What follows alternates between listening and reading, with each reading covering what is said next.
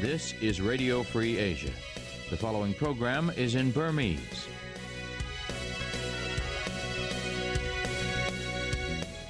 Mingla လာပါရှင်။လွတ်လပ်တဲ့အာရှအသံ RFA ရဲ့ဖေဖော်ဝါရီလ18ရက်နေ့စနေနေ့မနက်ခင်းအစီအစဉ်တွေကို အမေရိကန်ပြည်ထောင်စုဝါရှင်တန် DC မြို့တော်ကနေစတင်ထုတ်လွှင့်နေပါပြီရှင်။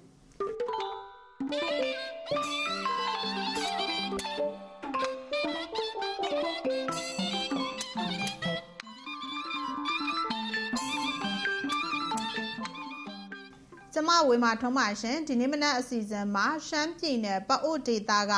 တိုက်ပွဲသတင်းတွေအပါအဝင်စစ်ကောင်စီရဲ့စစ်မှုမထမ်းမနေရဥပဒေကြောင့်နေရက်စွန့်ခွာမဲ့လူငယ်တွေသိထားရမယ့်အကြောင်းတွေနဲ့ပတ်သက်လို့ဆက်သွယ်မေးမြန်းချက်နဲ့အတူမွန်တိုင်းသားဘာသာအစီအစဉ်ကိုထုတ်လွှင့်ဖို့ပြင်ဆင်ထားပါတယ်ရှင်။အခုတော့သတင်းတွေကိုအရင်ဆုံးထုတ်လွှင့်ပါမယ်ရှင်။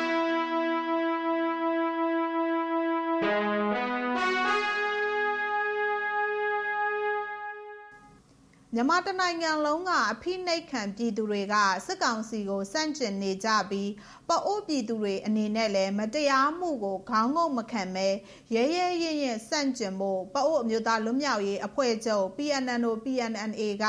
ဖေဖော်ဝါရီလ16ရက်နေ့မှာထုတ်ပြန်လိုက်ပါတယ်။ပအိုးလူငယ်တွေအနေနဲ့လူတစုရဲ့အကျိုးစီးပွားကိုကာကွယ်ပြီးတော့အာနာရှင်စနစ်သက်ဆိုးရှည်စေမဲ့လုပ်ရက်တွေကိုရှောင်ကြဖို့ PNNA ကတိုက်တွန်းထားပါတယ်။ နောက်ပြီးတော့စစ်ကောင်စီကအသက်သွင်းလိုက်တဲ့ပြည်သူစစ်မှုထမ်းဥပဒေဟာပြည်သူအချင်းချင်းတပ်ဖြတ်အောင်လှုံ့ဆော်လိုက်တာဖြစ်ပြီးတော့ပအိုးပြည်သူတွေအနေနဲ့အမျိုးသားလွတ်မြောက်ရေးအတွက် PNN နဲ့လာရောက်ပူးပေါင်းကြဖို့ဖိတ်ခေါ်ထားပါတယ်။စစ်ကောင်စီဟာနိုင်ငံတော်ဝန်မှာလူမျိုးရေးဘာသာရေးသွေးခွဲလှုံ့ဆော်မှုတွေကိုစစ်ရာဇဝတ်မှုတွေကို ဖုံးဖိနိုင်အောင်အာဏာတည်မြဲနိုင်အောင်လှုံ့ဆော်နေတယ်လို့ PNN ကပြောပါတယ်ရှင်။ ရှမ်းပြည်နယ်တောင်ပိုင်းပအိုးဒေတာဟိုပုံးမြို့နယ်ကြောက်ကစားကျေးရွာအတွင်းမှာဖေဖော်ဝါရီလ15ရက်နေ့မနက်ပိုင်းကစစ်ကောင်စီတပ်က drone နဲ့ပုံကျဲတိုက်ခိုက်လို့အမျိုးသားတဦးသေဆုံးခဲ့ပြီးတော့3ဦးထိခိုက်ဒဏ်ရာရခဲ့တယ်လို့ဒေသခံတွေကပြောပါတယ်။သေဆုံးသူဟာအသက်50ကျော်အရွယ်ပေါ်အုံးဆိုသူဖြစ်ပြီးတော့အသက်30အရွယ်အမျိုးသား3ဦးကတော့ထိခိုက်ဒဏ်ရာရခဲ့တယ်လို့ဒေသခံတဦးကပြောပါတယ်။ ကြောက်ကစားရွာဟာအင်ဂျီတထောင်နီးပါးရှိတဲ့ရွာကြီးတစ်ခုဖြစ်ပြီးတော့ဟိုပုံးမြို့နဲ့15မိုင်လောက်ဝေးပါတယ်။စစ်ရေးအခြေအနေတင်းမာနေတာကြောင့်ရွာသားတွေစစ်ဘေးတိမ်းရှောင်မှုပြင်ဆင်နေကြတယ်လို့ပြောပါတယ်။ကျေးရွာကော်မတီတာဝန်ရှိသူတွေကတော့ဒေသခံတွေကိုရွာကနေစွန့်ခွာထွက်သွားတာမျိုးမလုပ်ဖို့လိုက်လံပြောဆိုနေကြပါတယ်။ရှမ်းပြည်နယ်စစ်ကောင်စီပြောခွင့်ရစီးပွားရေးဝန်ကြီးဦးခွန်သိမ်းမောင်ကို RFA ကဖုန်းနဲ့ဆက်သွယ်မေးမြန်းခဲ့ပေမဲ့လက်ခံဖြေကြားတာမရှိပါဘူး။ ပအိုမျိုးသားလွတ်မြောက်ရေးတပ်မတော် PNN ပြောခွင့်ရသူတဦးကလည်းကြောက်ကစားရွာမှာစစ်ကောင်စီက drone နဲ့တိုက်ခိုက်လို့အမျိုးသားတဦးသေဆုံးပြီးတော့3ဦးဒဏ်ရာရခဲ့တယ်လို့ RFA ကိုအတည်ပြုပြောပါတယ်ရှင်။မွန်ပြည်သစ်ပါတီကနေခွဲထွက်သွားသူတွေကိုပြန်လည်ပါဝင်အောင်တန်ဃာတော်တွေမျိုးချစ်ပုဂ္ဂိုလ်တွေနဲ့လက်တွဲပြီးတော့ကြိုးပမ်းသွားမယ်လို့ပါတီကဖေဖော်ဝါရီလ14ရက်နေ့ရက်စွဲနဲ့ကြေညာချက်ထုတ်ပြန်ပါတယ်။ လက်ရှိမှာမွန်ပြည်သက်ပါတီဗဟိုကော်မတီ CEC အစည်းအဝေးကျင်းပနေပြီးတော့ပါတီကနေခွဲထွက်သွားသူတွေကိုပြန်ခေါ်ဖို့ညှိနှိုင်းသွားမယ်လို့မွန်ပြည်သက်ပါတီဗဟိုအလုံးမှုဆောင်နိုင်အောင်မငေးက RFA ကိုပြောပါတယ်စစ်ကောင်စီနဲ့တွဲဆောင်ဆွေးနွေးတဲ့ကိစ္စမှာမွန်ပြည်သက်ပါတီအတွင်းလက်ခံတဲ့သူနဲ့လက်မခံသူဆိုပြီးတော့သဘောထားကွဲလွဲခဲ့ရာကနေတွဲဆောင်ဆွေးနွေးရေးကိုလက်ခံထားတဲ့သူက ပိုများတဲ့အတွက်လက်မခံသူတွေကမကျေနပ်တာတွေရှိလာတယ်လို့လည်းဆိုပါတယ်။မွန်တီတစ်ပါတီအာနာရှင်တိုက်ဖြတ်ရေးအဖွဲ့ကိုပြန်လည်ပေါင်းစည်းဖို့ဆွေးနွေးသွားမယ်ဆိုတာနဲ့ပတ်သက်ပြီးတော့ခွဲထွက်အဖွဲ့ရဲ့ပြောရေးဆိုခွင့်ရှိသူနိုင်ပညာလေကို RFA ကဆက်သွယ်ခဲ့ပေမဲ့ဆက်သွယ်လို့မရသေးပါဘူး။ မွန်ပြည်သက်ပါတီစစ်အာဏာရှင်တိုက်ဖြတ်ရေးအဖွဲ့ကတော့စစ်ကောင်စီနဲ့တွဲဆောင်ဆွေးနွေးတာတွေဆက်မလုပ်တော့ဘဲတော်လန်ရေးအဖွဲ့အစည်းတွေနဲ့ပူးပေါင်းပြီးတော့အာဏာသိမ်းစစ်တပ်ကိုတိုက်ခိုက်သွားမယ်လို့ကြေညာထားပါတယ်ရှင်။ ရှရှမ်းပြည်နယ်မြောက်ပိုင်းမှာ10နှစ်ခွန်စစ်စင်ရေးနောက်ပိုင်းမြို့တွေသိမ်းဆီးပြီးတော့အုပ်ချုပ်ရေးဖော်ဆောင်နေတဲ့တအန်းအမျိုးသားလူမျိုးရေးတပ်မတော် TNNA နဲ့ကိုကန့်အဖွဲ့ MNDAA တို့အနေနဲ့ဒေသခံတွေကိုကလေးစစ်သားအဖြစ်စုဆောင်းတာလူအခွင့်ရေးချိုးဖောက်တာညှဉ်းပန်းနှိပ်စက်တာနဲ့ဖိနှိပ်ချုပ်ချယ်တာတွေမလုပ်ဖို့ပြည်ပရောက်ကချင်လူမျိုးများကွန်ရက် WKC ကတိုက်တွန်းလိုက်ပါတယ်။ ရှမ်းပြည်နယ်မြောက်ပိုင်းနဲ့ကချင်ဆက်စတိတ်မှာနေထိုင်ကြတဲ့ကချင်တိုင်းရင်းသားတွေနဲ့အဲ့ဒီဒေသမှာလက်ရှိယာယီအုပ်ချုပ်နေတဲ့ MNDAA TNNA တပ်ဖွဲ့တွေကြားမှာဖိနှိပ်မှုတွေနဲ့ကြီးမားတဲ့အမားတွေမဖြစ်အောင်ထိမ့်ထိမ့်သိမ့်သိမ့်ဆောင်ရွက်ဖို့လဲဖေဖော်ဝါရီလ16ရက်နေ့ကြေညာချက်မှာထည့်သွင်းတိုက်တွန်းထားပါတယ်ရှင်။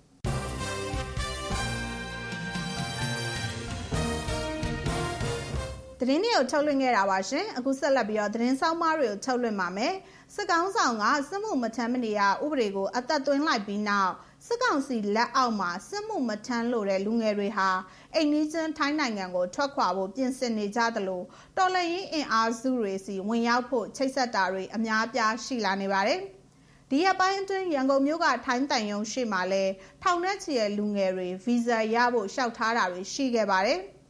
တော်လှန်ရေးအင်အားစုတစ်ခုစီတိုင်းကိုလည်းယာနဲ့ချီတဲ့လူတွေဆက်သွယ်မေးမြန်းတာတွေရှိလာနေတယ်လို့ဆိုပါတယ်။ထိုင်းမြန်မာနယ်စပ်မှာနေပြီးတော့စစ်ပေးဒုက္ခသည်တွေနဲ့ CDN အကြမ်းမဖက်အာဏာဖီဆန်ရေးလှုပ်ရှားမှုမှာပါဝင်ထားသူတွေကိုကူညီပေးနေတဲ့နိုင်ငံရေးအကျဉ်းသားဟောင်းကိုမင်းသွေးတစ်ကလုံခြုံရေးအရာတခြားတနေရာကိုပြောင်းရွှေ့ဖို့ပြင်ဆင်နေတဲ့လူငယ်တွေကိုဘလို့အကြံပြုထားပါသလဲကျမအဆက်အသွယ်မေးမြန်းထားတာကိုနားဆင်ပါရှင်။ အာနာသိမ့်ပြီးတော့၃နှစ်ကြော်ကြာမှာပေါ့နော်ဒီစစ်ကောင်းဆောင်ကတနိုင်ငံလုံးကြရဲရိုက်သွားအောင်ပေါ့နော်ဒီစစ်မှုမထမ်းမနေရဥပဒေကိုဒီအချိန်မှာဘာကြောင့်ပေါ့နော်စွဲထုတ်ပြီးတော့အသုံးချလာတယ်လို့မြင်ပါလဲဒါဥဆုံးသိချင်ပါတယ်စစ်ကောင်စီကထုတ်ပြန်တဲ့စစ်မှုမထမ်းမနေရဥပဒေပေါ့နော်ထွက်လာပြီးတဲ့နောက်ပိုင်းမှာပြည်ရင်းမှာ တော်တော်များများဟိုခရက်ရိုက်ခတ်မှုရှိတယ်နှစ်မျိုးတွေ့ရတယ်ပေါ့နော်အာနာသိမ့်ပြီးတဲ့စစ်ကောင်စီကတနိုင်ငံလုံးကိုကောင်းကောင်းအုပ်ချုပ်လို့မရတဲ့ခါကျတော့ကျွန်တော်တို့ဒီအခြေအနေကိုရှုပ်ထွေးသွားအောင်လို့ဗယံမတာလုတ်လိုက်တယ်ပြီးတော့မှသူဘာအကွက်ရွှေ့လဲဆိုတာကိုပြန်စဉ်းစားရတာဒီလိုမျိုးလုတ်တယ်လို့ကျွန်တော်ယူဆတယ်ပေါ့နော်ဒုတိယတစ်ချက်ကကြတော့စနစ်တကျလုတ်တယ်လို့ထင်တယ်ကျွန်တော်မျိုးပြပျောက်ကြားယူကြီးလူငယ်တွေနောက်ပြီးတော့မြေပေါ်တပိတ်လူငယ်တွေမျိုးပေါ်မှာနေလို့မရအောင်စည်ရင်းကောက်တယ် ပြီးတော့တစ်ဖက်မှာလည်းတရားဝင်ပေါ်တာဆွဲလို့ရအောင်လုပ်တယ်အရင်တော့ခီးသွားနေတဲ့လူငယ်တွေကိုမတင်ကာမှဒါလည်းဘယ်သွားမှလည်းမင်းဘယ်ရလဲဆိုတာမျိုးနဲ့ခေါ်ပြီးတော့ gate land gate တွေမှာမေးတာအခုကျတော့စစ်မှုမှတ်ထမ်းမနေရဥပဒေနဲ့အကျုံးဝင်တဲ့အသက်အရွယ်ရှိတဲ့လူငယ်တွေလမ်းပေါ်ထွက်နေတော့တရားဝင်ပေါ်တာဆွဲလို့ရသွားတယ်အဲလမ်းပေါ်မှာတွေ့တဲ့လူငယ်တွေအဲခီးသွားနေတဲ့လူငယ်တွေဖမ်းနေဆိုရင်လည်းဘယ်မိသားစုမှအကြောင်းကြားစရာမလိုတခါလေးဖုံးသိမ်းပြီးတော့သူတို့ထားတဲ့နေရာမှာထားလိုက်ရင်အကုန်အဆက်ပြတ်သွားမှာပေါ့နော် အခုဒီဥပဒေပြဋ္ဌာန်းလိုက်ပြီးတဲ့နောက်ရန်ကုန်အပါအဝင် AR တိုင်းတို့ဘာတို့မှာလည်းဒါလူငယ်တွေကိုဝင်ဖမ်းတယ်ဆိုတာမျိုးတွေကြားရတယ်ဒီရက်ပိုင်းအတွင်းမှာပဲပေါ့နော်ဒီထိုင်းတန်ယုံရှေ့မှာလည်းထိုင်းဘက်ကိုသွားဖို့ပေါ့နော်ဗီဇာစောင့်နေတဲ့လူတွေပုံနေတာပဲဒါတွေလည်းတွေ့ရတယ်ပေါ့နော်တစ်ဖက်မှာလည်းပေါ့နော်တရက်ဝင်ဒါဖိတ်ခေါ်ထားတာမဟုတ်တဲ့ PDF အဖွဲ့တွေကိုတောင်မှဒါတစ်ဖွဲ့ကိုပေါ့နော်ယာနဲ့ချီတဲ့လူငယ်တွေဆက်သွယ်လာကြတယ်ဆိုတာမျိုးတွေလည်းကြားနေရပါတယ်ဒီအခြေအနေတွေရပါတော့နောက်ဆက်တွဲဟိုမြန်မာပြည်တွင်းမှာဘလို့အခြေအနေတွေရှိလာနိုင်မယ်လို့များမြင်ပါတယ်ရှင်ဆိုဒီရရဲ့ဖြစ်လာတဲ့ side effect ကိုတော့ပို့ပြီးတော့တေချာစဉ်းစားတွေးခေါ်ထားဖို့လိုတယ်ဒီဥပဒေဒီတနိုင်ငံလုံးအတိုင်းအတာနဲ့ဩဇာတက်ရောက်မှာဖြစ်တယ်ဒီဥပဒေတွေကိုမလိုက်နာခြင်းလို့ထွက်ပြေးလာတယ်ဆိုရင်တော့မှကျွန်တော်တို့ကအများကြီးစဉ်းစားစရာရှိတယ်အခုလက်ရှိတောထဲမှာရှိနေတဲ့လူဝင်အားနဲ့လက်နက်အခြေအနေအောင်လူစည်းလက်နက်စီမရှိဘူးရိတ်ခါဖို့မနှဲရှာနေရတဲ့အခြေအနေမှာ နောက်ထပ်ဝင်လာမယ့်အင်အားဒီကျင်းနေတယ်ကျွန်တော်တို့ရှေ့တန်းကိုထွက်ပြီးတော့တိုက်ဖို့အတွက်ကိုလက်နက်ပိုင်းဆိုင်ရာပြည့်စုံမှာမဟုတ်ဘူးဟိုသူရောက်လာပြီးနောက်6လအတွင်းကတော့ကျင်းနေတယ်ပဲရှေ့တန်းမှာထွက်နိုင်မှာမဟုတ်အဲ့ဒါတစ်ချက်အဲ့ဒီအချိန်ဒီမှာဒီအင်အားစုထွက်ဝင်လာတာပြဿနာရှိတယ်နောက်မဲဆောက်လိုနေရာမျိုးဟိုထိုင်းဘက်ကိုကူးသွားပြီးတော့မဲဆောက်လိုနေရာမျိုးမှာနေမယ်ဆိုရင်လည်း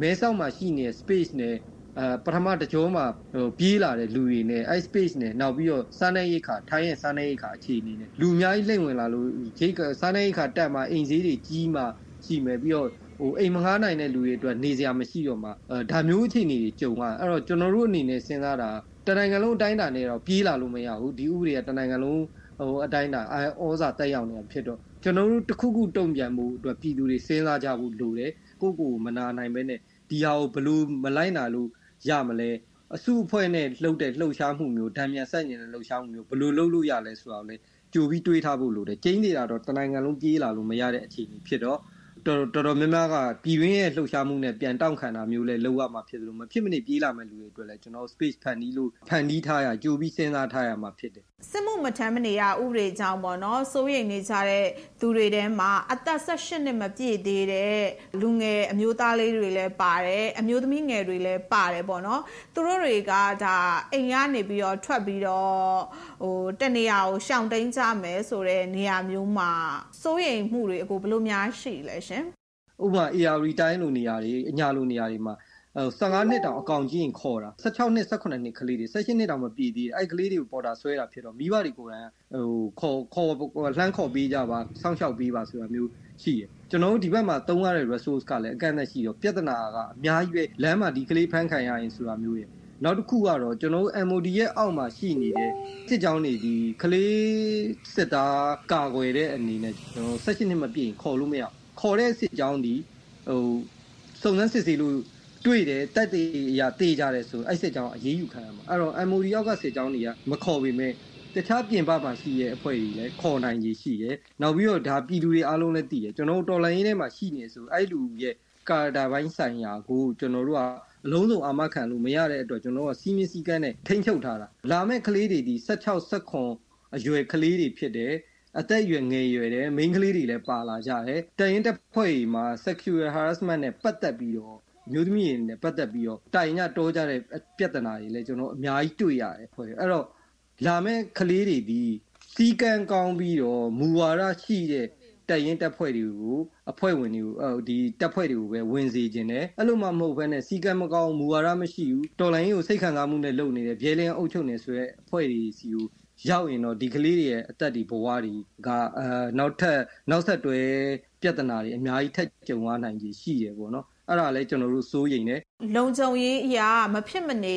ကိုယ့်အိမ်မှာနေလို့မရတော့လို့ထွက်လာမဲ့သူတွေဒီတော်လန်ရေးအင်အားစုတွေနဲ့ချိတ်ဆက်မဲ့သူတွေကိုရောအကိုဘလို့များအကြံပြုချင်ပါတယ်ရှင်လုံခြုံရေးပိုင်းဆိုင်ရာအတွက်တော့အထူးသဖြင့်ပြင်ဆင်ရမယ်အဓိကတော့နှုတ်လုံဖို့လိုတယ်ကျွန်တော်တို့ကတနေရာကိုသွားမယ်ဆိုသွားတဲ့နေရာလွှဲပြောတာပါနောက်ကျမ်းမာရေးကောင်းအောင်လို့ကိုကိုကိုပြင်ဆင်ထားပါအစားအသောက်ဘာဘာနဲ့မဆိုစားနိုင်အောင်ပြင်ဆင်ထားဖို့လိုတယ် အဲဘယ်လိုမျိုးအခြေအနေမျိုးပဲကြုံကြုံရအောင်တော့ကြော်ဖြတ်မယ်ဆိုရယ်စိတ်လဲထားထားဖို့လိုပါတယ်အဲပြီးရင်အသားကျသွားမှာပါတော်တော်များများ online ပေါ်မှာပြောကြတယ် blame နေကြတာပေါ့ပြည်တွေကအခုမှပြေးလာမဲ့သူတွေတကယ်တော့မပြောသင့်ဘူးအခုပြေးလာတဲ့လူတွေဒီစစ်မှုမထမ်းကျင်လို့ပြေးလာတာမဟုတ်ဘူးစစ်ကောင်စီအောက်မှာစစ်မှုမထမ်းကျင်လို့ပြေးလာကြတာဖြစ်တယ်ပေါ့နောက်မှလာတဲ့လူတွေအပေါ်မှာလည်းအဲတယောက်တယောက်ဗလိန်းတာမျိုးမဟုတ်ဘဲနဲ့ကိုတနိုင်ငံတည်းသားအချင်းချင်းစစ်ကောင်စီအောက်မှာမနေကျင်လို့ပြေးလာကြတဲ့သူတွေ ဖြစ်တယ်ဆိုတဲ့လက်ကမ်းကြိုဆိုပြီးတော့လိုအပ်တာမှများဝိုင်းပြီးကူညီကြဖို့လိုပါတယ်ထိုင်းဘက်ကိုထွက်လာမဲ့သူတွေကိုရောဘယ်လိုများအကြံပေးနိုင်မှာတလဲရှင်ရန်သူရဲ့အခြေအနေကိုလည်းကြည့်ဖို့လိုတယ်အရင်စိတ်ပူပြီးတော့တခုစဉ်းစားပြီးတော့အမြန်ဆုံးဖြတ်လိုက်တာမျိုးမဖြစ်စေခြင်းမူရှိနေတဲ့လူကန်တွေနဲ့အရင်ချိတ်ဆက်ပြီးတော့အခြေအနေကိုမေးမြန်းပြီးတော့မှထွက်လာတဲ့နဲ့လန်ကီလန်ကြောင်းအခြေအနေပါအသေးသေးပြောနေပြန်ရင်လည်းအဲ စစ်ကောင်စီဘက်ကကြိုပိတ်မှဖြစ်တဲ့အတွက်အ ਨੇ ဆုံးတော့ကိုယ့်ရဲ့လူကန်တွေကိုချိတ်ဆက်ပြီးတော့ဘယ်လိုပုံစံမျိုးနဲ့နေလို့ရတယ်ဘယ်လိုပုံစံမျိုးအဲဖြတ်တန်းလို့ရတယ်ဘယ်လိုမျိုးရောက်အောင်လာလို့ရတယ်ဆိုတာမျိုးတွေကိုကိုယ့်ရဲ့အတွင်းလူကိုယုံကြည်ရတဲ့လူနဲ့ချိတ်ဆက်ပြီးတေချာစနစ်တကျမေးမြန်းပြီးမှလာခဲ့ကြစီချင်ပါတယ်အကိုရေကလို့အချိန်ပေးပြီးဖြစ်ပေးတဲ့အတွက် RFA ရဲ့ကျေးဇူးတင်ပါတယ်ရှင် RFA ကဆက်လက်ထုတ်လွှင့်နေပါတယ်ရှင် စစ်ကောင်စီကရဲမှုကြီး12ဦးနဲ့ရဲမှုချုပ်3ဦးကိုနေပြည်တော်ကောင်စီဝင်တဲ့တိုင်းနယ်ပြည်နယ်14ခုရဲ့လမ်းပန်းဆက်သွယ်ရေးဝင်ကြီးတာဝန်တွေကနေအနားပေးလိုက်ပါတယ်။အဲဒီနောက်မှာတော့သူတို့ကိုသက်ဆိုင်ရာတိုင်းနယ်ပြည်နယ်အဆင့်ပြည်သူစစ်မှုထမ်းစင့်ခေါ်ရေးအဖွဲ့ဝင်တွေအဖြစ်ခန့်အပ်လိုက်ပါတယ်။သတင်းအပြည့်စုံကိုမတ်ထထအိမ်ရာအောင်ကတင်ပြထားပါတယ်ရှင်။ စစ်ကောင်စီဟာနေပြည်တော်ကောင်စီဝင်တဲ့တိုင်းနယ်ပြည်နယ်14ခုကလမ်းပန်းဆက်သွယ်ရေးဝင်ကြီးတာဝန်ပူးရဲယူထားတဲ့ရဲရရှိကြီးတွေကိုဖေဖော်ဝါရီလ10ရက်နေ့ကအရက်သားတွေနဲ့အစားထိုးလိုက်ပါတယ်။သူတို့ဟာအရင်ကတည်းကတိုင်းနယ်ပြည်နယ်ရဲတပ်ဖွဲ့မှုတွေဖြစ်ပြီးတော့သူတို့ကိုဖေဖော်ဝါရီလ14ရက်နေ့မှာတိုင်းနယ်ပြည်နယ်ပြည်သူ့စစ်မှုထမ်းစစ်ခေါ်ရေးအဖွဲ့ဝင်တွေအဖြစ်တာဝန်ပေးလိုက်တာပါ။ ရဲမှုကြီးကိုကိုလွေကိုနေပြည်တော်ကောင်စီဝင်အဖြစ်ကနေအနာပေးလိုက်ပြီးနောက်ထပ်ရဲမှုကြီး17ဦးနဲ့ရဲမှုချုပ်3ဦးကတော့တိုင်းနယ်ပြည်နယ်လမ်းမဆက်သွယ်ရေးဝင်ကြီးတွေအဖြစ်ကနေအနာပေးလိုက်တာပါသူတို့အားလုံးနေပြည်တော်အပါအဝင်တိုင်းနယ်ပြည်နယ်အသီးသီးကရဲတပ်ဖွဲ့မှုတွေဖြစ်ပါတယ်အယက်သားတာဝန်တွေပါပူးထွဲတာဝန်ယူထားရင်မူလတာဝန်တွေလစ်ဟင်းမှာကိုစိုးရိမ်တာကြောင့်မူလရဲတပ်ဖွဲ့တာဝန်ကိုပဲပြန်လည်ပေးအပ်လိုက်တာလို့ကရင်ပြည်နယ်စစ်ကောင်စီပြောခွင့်ရသူစီးပွားရေးရာဝန်ကြီးဦးစောခင်မောင်မြင့်ကပြောပါတယ် ရဲတပ်ဖွဲ့တာဝန်ပဲပြန်ပြီးတော့ပေးတာပါမူလတာဝန်တစ်ဖက်နောက်ပြီးတော့ဝန်ကြီးတာဝန်တစ်ဖက်ဆိုတော့လေအဲအဲကြောင့်မို့ကနာမနိုင်မင်းဖြစ်မှာတို့လို့ဝန်ကြီးတာဝန်ကိုတို့ကရက်ဆွဲပြီးတော့မှအစားထိုးလိုက်တယ်နဲ့ရဲမှုကြီးကတော့မူလတို့ဌာနတာဝန်ကိုပဲထမ်းဆောင်မှာဖြစ်ပါတယ်စစ်မှုထမ်းစင်ခေါ်ရေးကိစ္စတွေကို2024ခုနှစ်ဧပြီလကုန်ပိုင်းမှာစတင်ဖို့ရှိနေပြီးတော့ တတုတ်ကိုလူ9000နှုန်းနဲ့တစ်နှစ်အတွင်းလူ9000ကျော်6000နီးပါးခေါ်ယူသွားမယ်လို့စစ်ကောင်စီပြောခွင့်ရသူဗိုလ်ချုပ်စော်မင်းထွန်းကဖေဖိုင်လာ14ရက်နေ့ကထုတ်ပြောထားပါတယ်။ရဲမှုကြီးတွေကိုအခုလိုအပြောင်းလဲလုပ်တာဟာပြည်သူစစ်မှုထမ်းဥပဒေကို PPCC အကောင့်ထဲပေါ်ဖို့ဖြစ်တယ်လို့အကြမ်းမဖက်အာဏာဖီဆန်ရေးလှုပ်ရှားမှု CDM မှာပါဝင်နေတဲ့ရဲအရာရှိတအူးကပြောပါတယ်။ ခုကစစ်မှုထမ်းဥပဒေနဲ့ထွက်လာတော့အဲ့ဒီဥပဒေကို PPCC အကောင့်ထဲပေါ်ဖို့အတွက်ရမိုးကြီးတွေကိုသူတို့ရဲ့မူလတောင်းကိုပြန်လည်ထမ်းဆောင်နိုင်အောင်စီစဉ်တာဖြစ်တယ်လို့ဒီမိုကရေစီတက်ကြွစွာလှုပ်ရှားသူတွေရဲ့ဟိုပိုးပြီးဖိနှိပ်ဖို့လို့ယူဆမိပါတယ်ခင်ဗျာစစ်တပ်ကအာဏာသိမ်းပြီးတဲ့နောက်6လအကြာ2021ခုနှစ်ဩဂုတ်လ1ရက်နေ့မှာပဲရဲမှုကြီးတွေနဲ့ရဲမှုချုပ်တွေကိုတိုင်းနယ်ပြည်နယ်လမ်းမဆက်သွယ်ရေးဝန်ကြီးတွေအဖြစ်ခန့်အပ်ခဲ့တာပါ။ အဲ့ဒီအချိန်တုန်းကတော့လူငယ်တွေဟာစစ်ကောင်စီကိုလက်နက်ကင်ဆန့်ကျင်ဖို့တိုင်းရင်းသားလက်နက်ကင်တွေထိန်းချုပ်ထားတဲ့နေဆက်ဒေသတွေစီထွက်ခွာနေခြင်းဖြစ်ပါတယ်။နိုင်ငံအနှံ့မှာစစ်ရေးပဋိပက္ခတွေပြင်းထန်လာပြီးတော့စစ်ကောင်စီရဲ့တပ်စခန်းတွေနဲ့ထိန်းချုပ်နယ်မြေတွေကိုတိုင်းရင်းသားလက်နက်ကင်တွေနဲ့ပြည်သူ့ကာကွယ်ရေးတပ် PDF တွေကတိုက်ခိုက်သိမ်းယူမှုများလာခြင်းရှီရန်စစ်မြေပြင်မှာရဲတပ်ဖွဲ့နဲ့စစ်သားအများအပြားတေဆုံဖမ်းဆီးထွက်ပြေးမှုပိုများလာခြင်းမှာစစ်ကောင်စီကပြည်သူစစ်မှုထမ်းဥပဒေကိုအသက်သွင်းလာတာပါ။ အဲဒီနောက်တိုင်းနယ်ပြည်နယ်ရဲတပ်ဖွဲ့မှုတွေကိုပြည်သူ့စစ်မှုထမ်းဥပဒေအကောင့်ထဲပေါ်ရေးမှာအသုံးချလာတာဖြစ်ပါတယ်။အမျိုးသားညီညွတ်ရေးအစိုးရ NUG အနေနဲ့စစ်ကောင်စီရဲ့ပြည်သူ့စစ်မှုထမ်းဥပဒေအကောင့်ထဲပေါ်ရေးမှာလက်တွေ့ပါဝင်သူတွေကိုအရေးယူသွားမယ်လို့ NUG သမရယုံပြောခွင့်ရသူဦးကျော်စောကပြောပါတယ်။စစ်မှုထမ်းဥပဒေကိုအကောင့်ထဲပေါ်ဖို့ပြည်သူတွေတူသဖြင့်လူငယ်တွေကိုအတင်းအဓမ္မခြောက်လှန့်ပြီးတော့ စူးစမ်းဖို့ဖော်ဆောင်တဲ့ရန်တရားတွေမှာအဲ့ဒီဘဲမှုကြီးတွေဘာတွေဘာတူပဲဖြစ်ဖြစ်ပေါ့နော်အဲ့ဒီမှာပါဝင်ပတ်သက်နေတဲ့လူပုဂ္ဂိုလ်အဖွဲ့အစည်းတွေအားလုံးကဒီအပြစ်မြင့်တန်ထန်အပြစ်ပြေးအရေးယူခါမှာဖြစ်တယ်နိုင်ငံတော်ဝန်စစ်ရှုံးနေတဲ့စစ်တပ်ဟာကိုရိုးစည်းပွားနဲ့အာဏာဆက်လက်တည်မြဲရေးအတွက်ရှေ့တန်းစစ်မြေပြင်မှာပြည်သူတွေကိုလူသားတိုင်းဖြစ်အသုံးပြုဖို့အတွက်ပြည်သူစစ်မှုထမ်းဥပဒေကိုအသက်သွင်းလာတာလို့အမျိုးသားညီညွတ်ရေးအစိုးရ NUG ကဖေဖော်ဝါရီလ23ရက်နေ့ကထုတ်ပြန်ထားပါတယ်။ ဒီဥပဒေကိုအကောင့်ထဲပေါ်ရေးအထောက်အကူပြုတဲ့လူပုဂ္ဂိုလ်နဲ့အဖွဲ့အစည်းအစစ်အစင်ကိုဆရာဆွေမှုကျူးလွန်သူတွေအဖြစ်သတ်မှတ်အရေးယူသွားမယ်လို့လည်းအဲ့ဒီထုတ်ပြန်ချက်မှာဖော်ပြထားပါတယ်ရှင်။ RFA ကိုကြည့်ရှုနေရတာပါရှင်။ရှမ်းပြည်နယ်တောင်ပိုင်းစီဆိုင်မြို့နယ်ထဲမှာဇန်နဝါရီလ22ရက်နေ့ကစပြီးတော့ NCA လက်မှတ်ရေးထိုးထားတဲ့ပအို့အမျိုးသားလွတ်မြောက်ရေးတပ်မတော် PNN မဟာမိတ်ပူပေါင်းအဖွဲ့နဲ့ စစ်ကောင်စီတပ်နဲ့သူ့ရဲ့လက်အောက်ခံပအို့ပြည်သူစစ်တပ်ဖွဲ့ PNA ပူပေါင်းအဖွဲ့တွေတိုက်ပွဲဖြစ်နေတာရပ်ပေါင်း20ကျော်ရှိလာပါပြီ။စီဆိုင်မြို့ကိုပြန်ထိန်းချုပ်ဖို့စစ်ကောင်စီဘက်ကစ조사နေတယ်လို့ PNN ဘက်ကလည်းအပြင်းထန်ခုခံနေတာကြောင့်တိုက်ပွဲတွေနေ့စဉ်ဖြစ်နေပြီးတော့ဒေသခံသသိန်းကျော်ထွက်ပြေးနေရပါတယ်။ဒီကြောင်း RFA သတင်းတောက်မတ်ရင်မျိုးသူတင်ပြထားပါတယ်ရှင်။ ရှမ်းပြည်နယ်တောင်ပိုင်းစီဆိုင်မြို့နယ်မှာဇန်နဝါရီလ22ရက်နေ့ကစပြီးတော့ NCA လက်မှတ်ထိုးထားတဲ့ပို့အမျိုးသားလွတ်မြောက်ရေးတပ်မတော် PNL မဟာမိတ်ပူးပေါင်းအဖွဲ့တွေနဲ့စစ်ကောင်စီရဲ့လက်အောက်ခံပို့ပြည်သူစစ် PNA ပူးပေါင်းအဖွဲ့တွေကြားတိုက်ပွဲဖြစ်ပွားနေတာရက်ပေါင်း20ကျော်နေပါပြီ။ ကျေးလက်တွေအထိပါစစ်ပွဲတွေကူးဆက်လာတာကြောင့်အဲ့ဒီဒေသခံတွေပါဘေးလွတ်ရာကိုထွက်ပြေးနေရတယ်လို့စိုက်ခေါင်ရွာသားတယောက်က RFA ကိုပြောပါတယ်။ဒီတိုင်းတစ်မျိုးလုံးဒီပါပြေးတယ်ပဲဒီစိုက်ခေါင်တော့အနေချင်းတော့ကြံပြီးတာပေါ့။စိုက်ခေါင်အဓိကဖြစ်တာလောလောဆယ်လွယ်ပို့စိုက်ခေါင်ရဲ့အရှိဘက်မှာဆိုရင်တော့၄မိုင်လောက်ပဲဝေးတဲ့နေရာပေါ့စိုက်ခေါင်နဲ့မနေ့ကမနေ့ကလည်းဖြစ်တယ်ဟိုအရင်ကလည်းဖြစ်တယ်အနေနဲ့ထိတွေ့မှုတွေဖြစ်ကြတာပေါ့နော်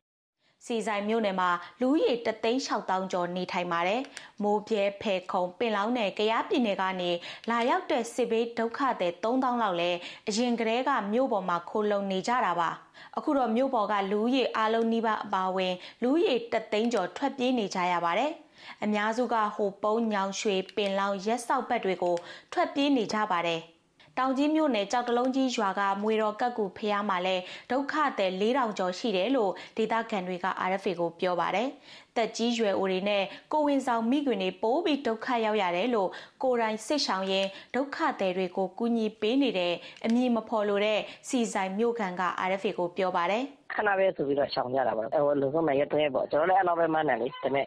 ခုဆိုဆယ်ကျော်သွားပြီပေါ့လေ ပစ္စည်းတွေလည်းကိုအဖောက်ခံခုခံရတယ်ရှိတယ် အိမ်ကြီးပါတော့ရှိတယ် လက်မကြီးထီတော့ အစင်တော့ပြတ်တော့လည်း ရှိတယ် အများရှိတော့ကျိုးဆိုရင်တော့ အထူးသဖြင့်ပေါ့တကြီးလူငယ် ကိုဆောင်မျိုးသမီးတို့တက်ကြီးတို့ပို့ပြီးတော့ ဒုက္ခရောက်တော့တယ်ထွက်ပြေးလာတဲ့သူတွေကို မြို့တွေနဲ့ ရွာတွေမှာနေမြေကန်ပြည်သူတွေက တတ်နိုင်သလောက် ကူညီကြတယ်ဆိုပေမဲ့လူရည်များတာကြောင့် အစားအသောက် အဝတ်ထည်နဲ့ စောင်တွေ လိုအပ်နေတယ်လို့ စစ်ဘေးဒုက္ခသည်တွေက ပြောပါတယ်။ ဟိုပုံးမြို့နယ်နောင်ဆန်ဖူးရွာမှာလဲဇန်နဝါရီလ22ရက်နေ့ကစစ်ကောင်စီလက်အောက်ခံပအို့ပြည်သူစစ် PNO က NCA လက်မှတ်ထိုးထားတဲ့ပို့အမျိုးသားလွတ်မြောက်ရေးတပ်မတော် PNL ရဲ့ကားတွေကို လက်နက်တဲတဲ့ဆိုပြီးတော့စစ်ဆေးရာကနေတိုက်ပွဲဆဖြစ်ခဲ့တာပါဇန်နဝါရီလ22ရက်နေ့မှာတော့စစ်ကောင်စီတပ်ကစီဆိုင်မြို့ကနေရာတချို့ကိုလေကြောင်းနဲ့ပုံကျဲတိုက်ခိုက်ခဲ့ပါတယ် PNL တပ်ဖွဲ့ကလည်းမြို့ရင်းနဲ့စစ်ကောင်စီတပ်စခန်းတချို့ကိုထိန်းချုပ်ခဲ့ပါတယ်ဒါကြောင့် PNL ထိန်းချုပ်ထားတဲ့စီဆိုင်မြို့ကို ပြန်သိမ်းနိုင်မှုထိုးစစ်ဆင်နေတယ်လို့ PNL ပြည်သူစစ်တပ်ဖွဲ့ပြောရေးဆိုခွင့်ရှိသူခွန်ထွန်းရွှေက RFA ကိုပြောပါတယ်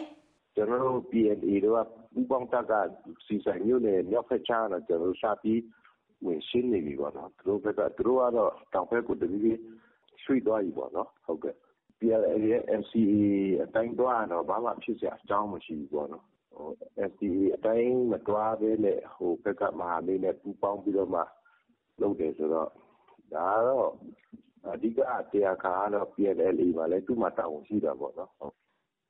အမည်မဖော်လိုတဲ့ PNL ပြောခွင့်ရသူကတော့စစ်ကောင်စီနဲ့ပူးပေါင်းအဖွဲ့တွေရဲ့ထိုးစစ်ကိုတားဆီးနေရလို့တိုက်ပွဲတွေနေတိုင်းလိုလိုဖြစ်နေတာလို့ RFA ကိုပြောပါတယ်။အာတိုက်ပွဲအရှိနေကတော့ဒီစစ်ကောင်စီနဲ့အပေါင်းအပါတွေကဒရုန်းတွေလက်နက်ကြီးတွေလေယာဉ်တွေနဲ့ပြစ်ခတ်ဖျက်ဆီးနေလဲရှိတယ်ပေါ့နော်။အဲ့ဒါကိုတားဆီးနေရတဲ့အတွက်နေ့စဉ်လိုလိုထိတွေ့တိုက်ပွဲတွေအာဖြစ်ပွားနေတာရှိပါတယ်။ စစ်ကောင်စီဘက်ကလေကြောင်းသုံးနေတယ်လို့လက်နက်ကြီးတွေနဲ့ပစ်ခတ်နေတာကြောင့်ဒေသခံတွေရဲ့နေအိမ်တချို့နဲ့ဘုံကြီးကျောင်းတွေပျက်စီးနေတယ်လို့ PNL ဘက်ကပြောပါတယ်။စီဆိုင်မျိုးဟာစစ်ကောင်စီရဲ့ရှေ့ပိုင်းတိုင်းစစ်ဌာနချုပ်ရှိတဲ့တောင်ကြီးမြို့နဲ့53မိုင်ကျော်၊ကယားပြည်နယ်လွိုင်ကော်မြို့နဲ့တော့မိုင်40กว่าပါတယ်။ ဒါကြောင့်စီဆိုင်မျိုးဟာစစ်ရေးအရရေးပါတဲ့နေရာမှာရှိနေတဲ့အတွက်စစ်ကောင်စီဘက်ကပြန်တိုက်ခိုက်နိုင်တယ်လို့နိုင်ငံရေးလေလာသူဦးတန်းစိုးနိုင်ကသုံးသပ်ပါတယ်။ရှမ်းတောင်မူဝင်မိုးကပေါက်က PNDF ရဲ့ဒီမိုးပြဲဖယ်ကုံလှုပ်ရှားမှုပဲရှိရှမ်းတောင်ဘိုးဘုံဘက်ကိုတက်မယ်ဆိုလို့ရှိရင်စစ်တပ်နဲ့ပေါင်းနေတဲ့ဥအောင်ခမ်းပြည်ရဲ့ PNO ကအဓိကဆိုလိုတာကတော့ဥအောင်ခမ်းပြည်ရဲ့အင်အားစုအားနည်းသွားလို့မဖြစ်ဘူးလေအဲ့ဒါဖြစ်သွားလို့ရှိရင် စီဆိုင်ကနေပြီးတော့ ဒါကဘုံဘုံကို တက်လာနိုင်တော့ပေါ့ဗျာ အဲ့ဒီကိစ္စကြောင့်စောစုကြီးမြစ်ဖြုတ်ဖို့ ကြိုးစားနေတာပေါ့ ဒီလူရှားမှုတွေမှာ KNDF ပါလာလို့ရှိရင် ပို့ပြီးတော့ အချိန်ကြီးပိုပြီး စိုးရင်ပြဖြစ်လာတယ်။အဲဒါကြောင့်စီဆိုင်ကိုပြင်းထန်ပြီးတော့နှိပ်ကွက်လိုက်။ဘုံဘုံပြောင်းလာအောင်ပဲ။ စီဆိုင်မြို့နယ်အတွင်းကတိုက်ပွဲအခြေအနေနဲ့ပတ်သက်ပြီးတော့စစ်ကောင်စီရဲ့ပြောခွင့်ရဗိုလ်ချုပ်စော်မင်းထွန်းကို RFA ကတယ်လီဖုန်းနဲ့ဆက်သွယ်ခဲ့ပေမဲ့လက်ခံဖြေဆိုတာမရှိပါဘူး။ RFA ကပြုစုထားတဲ့စီးရင်တွေအရတိုက်ပွဲစဖြစ်တဲ့ဇန်နဝါရီလ22ရက်ကနေဖေဖော်ဝါရီလ9ရက်နေ့ထိနှစ်ပတ်ကျော်အတွင်းစီဆိုင်မြို့နယ်မှာလေကြောင်းနဲ့လက်နက်ကြီးကြောင့်အမျိုးသမီး1ယောက်နဲ့အမျိုးသား2ယောက်သေဆုံးခဲ့ပါတယ်။ စစ်ကောင်စီတပ်ကဖမ်းဆီးစစ်ဆေးခံရလို့အမျိုးသားတယောက်သေဆုံးခဲ့ရတဲ့အတွက်သေဆုံးတဲ့သူ၄ဦးအထိရှိနေပါတယ်ရှင်။ RFA ရဲ့အစီအစဉ်တွေကိုကြည့်ရှုနေရတာပါရှင်။အခုနောက်ဆုံးအနေနဲ့အပတ်စဉ်ထုတ်လွှင့်နေကြမွန်တိုင်းသားဘာသာအစီအစဉ်ကိုထုတ်လွှင့်ပါမယ်။ရေးမြို့နယ်ကြုံလောင်းရွာမှာဒေသခံတွေရွာလုံးကျွတ်ထွက်ပြေးနေရတဲ့သတင်းအပါဝင်မွန်ပြည်နယ်အတွင်းကထူးခြားသတင်းတွေကိုမြန်မာစာတန်းတို့နဲ့ကြည့်ရှုနိုင်ပါတယ်ရှင်။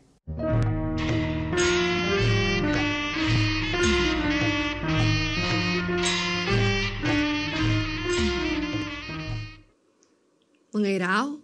ប្រិស័តញវេកលាំងសាតតញកំឡាញ់អូកកិដៃប៉ងកតសៃចោសៃកយ៉ាបាប្រកាយនីកោរះណាមួយភិនមិតារ៉ាអជីចងថ្លរំសាញ់អាហ្វេផែសាមនស្វកសថាណៅអូមីសៃថោកិតាលីយ៉ៃតផកក្លាហត់នៅលវណកចេះតយទេសាគួនក្រេងឡងក្រេនតតក្រុតបាយម៉ងប្រៃណោបបះកនត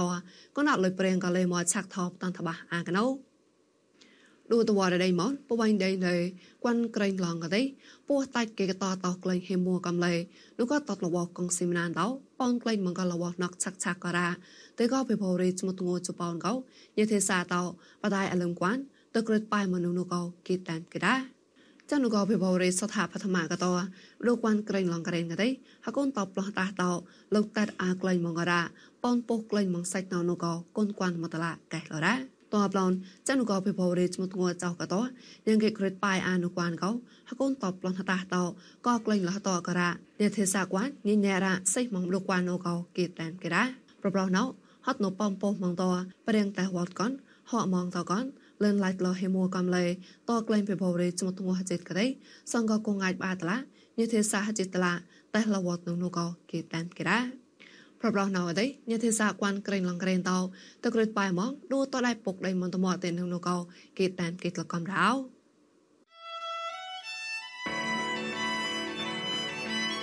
ប្រិស័តញវេកឡងមកអាវីផេសាមកមួយតញកំឡៃអោ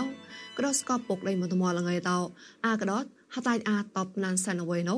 លុយព្រៀងណាលេតនតបះអាកណូនៅក៏កដោះស្កពុកដៃមន្តមលងៃតោញ៉េហេជីចតក៏ តាំងស្គូស្វាក់ស្វាំងសក្លាពុកឡនជុំវែតោបៃតែតហតៃអាតបណានសានអវេណូកោតក្លែងពីភរិជមុតងូជប៉ុនកោលឡនក្លែងលនឹងដែរ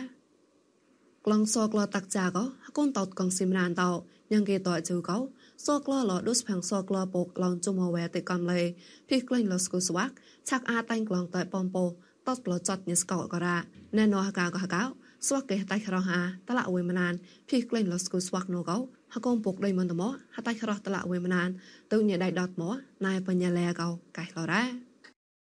អធិកနိုင်ငံရေးဆွေးနွေးပွဲကနေတစ်စီပဲ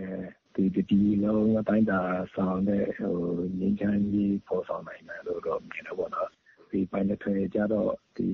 နိုင်ငံဆွေးနွေးမှုအပိုင်းတွေ မပါတော့ဘူး ဒီမျိုး မိတ်ဆွေမပြတ်ဒီတစ်ခါရစီကို ထိပြီးတော့ဟိုဆက်ဆံသွားတဲ့ အနေထားဖြစ်နေဆိုတော့ ဒီငင်းချမ်းကြီးက လုံးဝကို ရနိုင်နေလိမ့်မယ်တော့မမြင်ဘူး ကျွန်တော်တို့နေကျွန်တော်တို့ဟာနဲ့ ကျွန်တော်တို့လမ်းကို ကျွန်တော်တို့ဖောက်ပြီးတော့ ဒီစားရဖကို တော်လှန်ဖို့အတွက်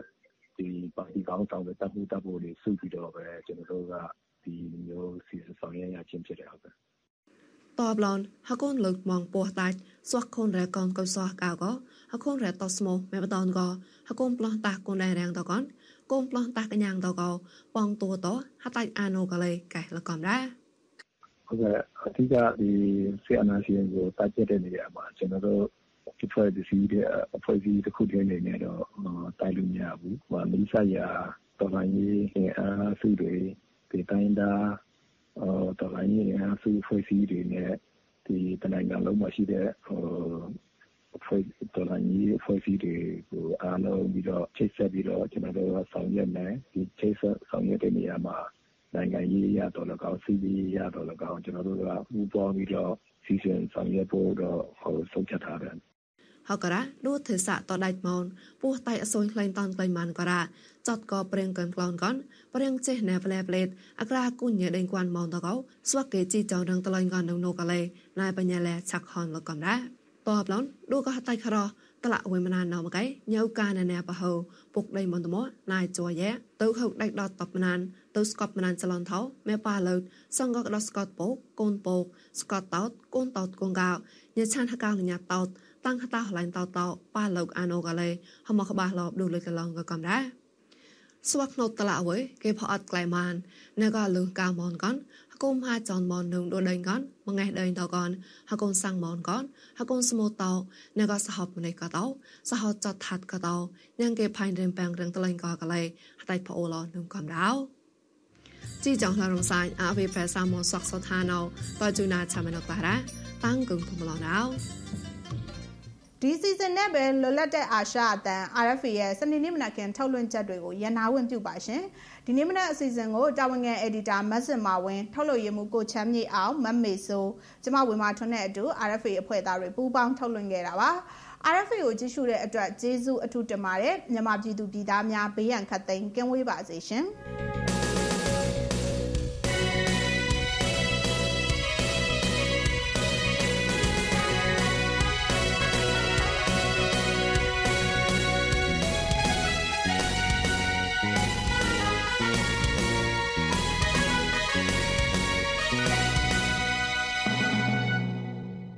have been listening to Radio Free Asia.